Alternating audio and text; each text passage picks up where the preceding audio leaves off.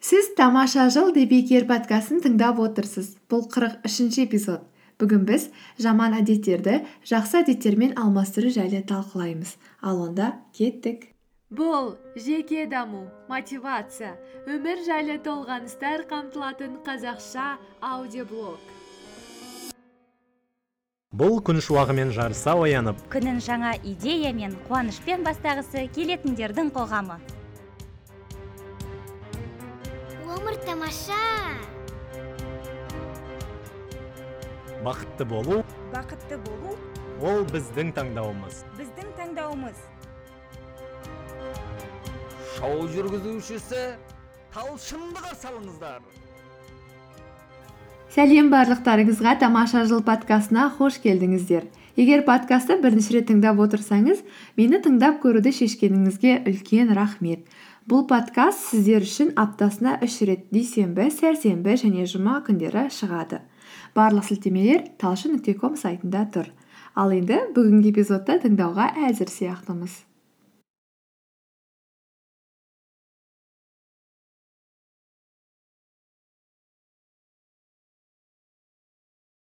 Бүгінгі подкастымыз өте мөте қысқа болады деп үміттенемін. Бүгін біз жаман әдеттерімізді жақсы әдеттерімізге айналдыру процесі жайлы айтамыз. Иә біз подкаст басталғаннан бері ылғи да осы өзіміздің жаман жақтарымызбен күресеміз жаман жақтарымызды алып тастаймыз. Оның себептері неде? Қала, неліктен әдеттерді жою онымен күресу қиын деген сұраққа жауап іздеумен келе жатырмыз. Шынымен де жаман әдеттермен күресу өте қиын. Бүгін біз соның бір жолы ретінде жаман әдеттерімізді трансформациялау процесі яғни жаман әдеттерімізді басқа бір әдетпен алмастыру туралы ойланып көреміз.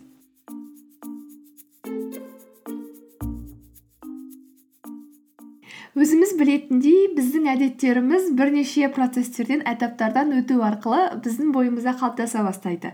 Ең алдымен оның қозғаушы күші болады.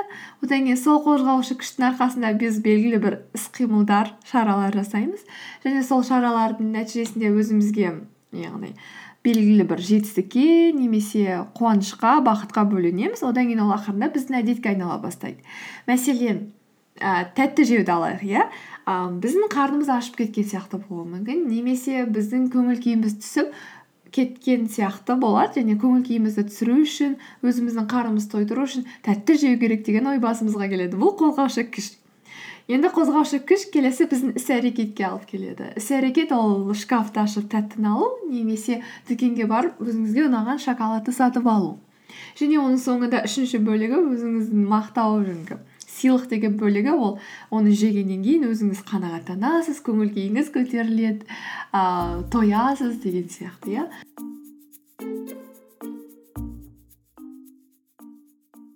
Және сонымен қатар әлеуметтік желілерде де біртүрлі өзіңіз жалығып кеткен сияқты сезінсеңіз ыыы өзіңіз не істеріңізді білмей қалған сияқты сезім болса бұл қозғаушы күш. Иә ол қозғаушы күш іске алып келеді яғни біз телефонымыздағы өзіміздің жаңағы фейсбук вконтакте немесе инстаграм әркімде әртүрлі иә.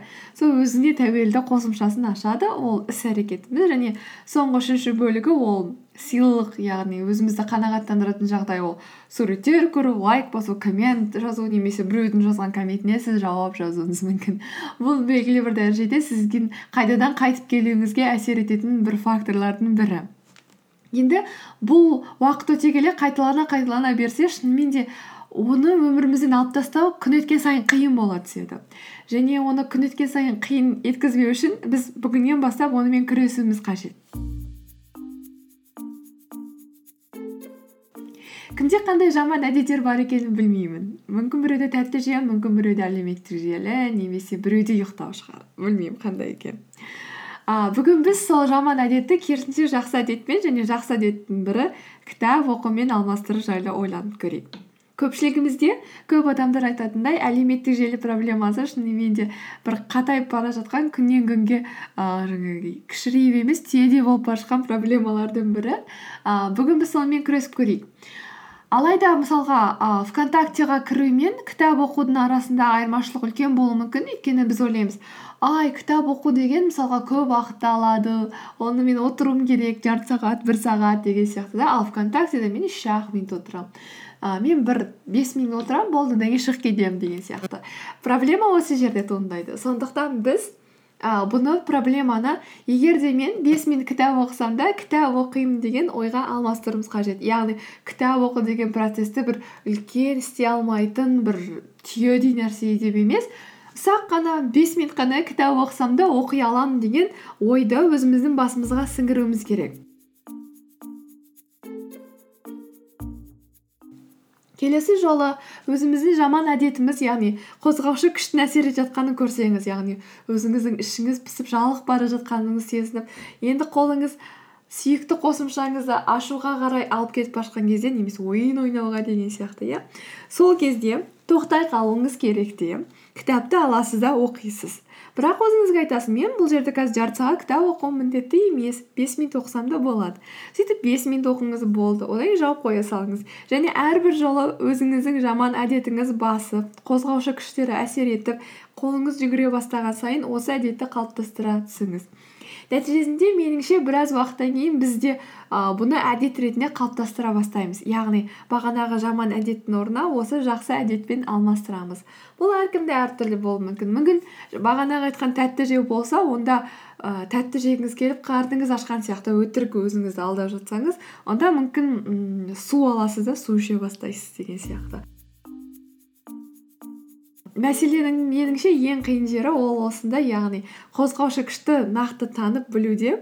Және ендігі сол жаман әдетіңізге алып келетін келесі іс әрекетті болдырмауда. Әркім өзіміздің өмірімізде осы бір тәжірибені істеп көрейік. Қалай болатыны жайлы мен білмеймін. А, мен өзім де енді бастап көрмекшімін оның қалайынан жұмыс істейтіндігі жайлы. А, бірақ әрине ең жақсы жолдардың бірі оны тарс еткізіп жауып тастау. Бірақ тарс еткізіп жауып тастау әдетті жойып тастау ол өте қиын нәрсе. Өйткені біраз уақыт одан шыдап тұрсаңыз да кейін рахатыңыз қанбаған нәрсе бәрібір ол қанбаған сияқты болып сезініп тұрады ғой. Сондықтан оның орнын жабатындай басқа нәрсемен алмастырмаса жаңағы бос орын бос орын болып қалатын сияқты. Сондықтан бос орынды толтырып бір өзіңіз өзіміз үшін маңызды нәрсеге де ә, уақыт бөлсек болады деп ойлаймын. Бүгінгі айтайын дегенім осы. Өте қысқа. Шағын ғана тәжірибе өмірімізде істеп көрейік. Ыыы біраз уақыттан кейін мен де осы тақырыпқа қайтадан подкаст жазамын ыыы барлық жасаған тәжірибелерді ескере отырып. Егер сіздің өзіңіздің бір арнайы бір методыңыз болса жаман әдетпен күресетін онда міндетті түрде маған жазыңыз. Келесі кездескенше сау болыңыз. Сіз тамаша жыл дебекер подкастын тыңдадыңыз. Мені фейсбук вконтакте инстаграм желілерінде тамаша жыл атымен таба аласыз. Сонымен қатар вконтакте арқылы тыңдап отырсаңыз онда подкаст қосымшасын көшіріп сол қосымша арқылы тыңдауға кеңес беремін. Мені тыңдағаныңызға рахмет. Аласұрып алданып ащының дәмін татсаң да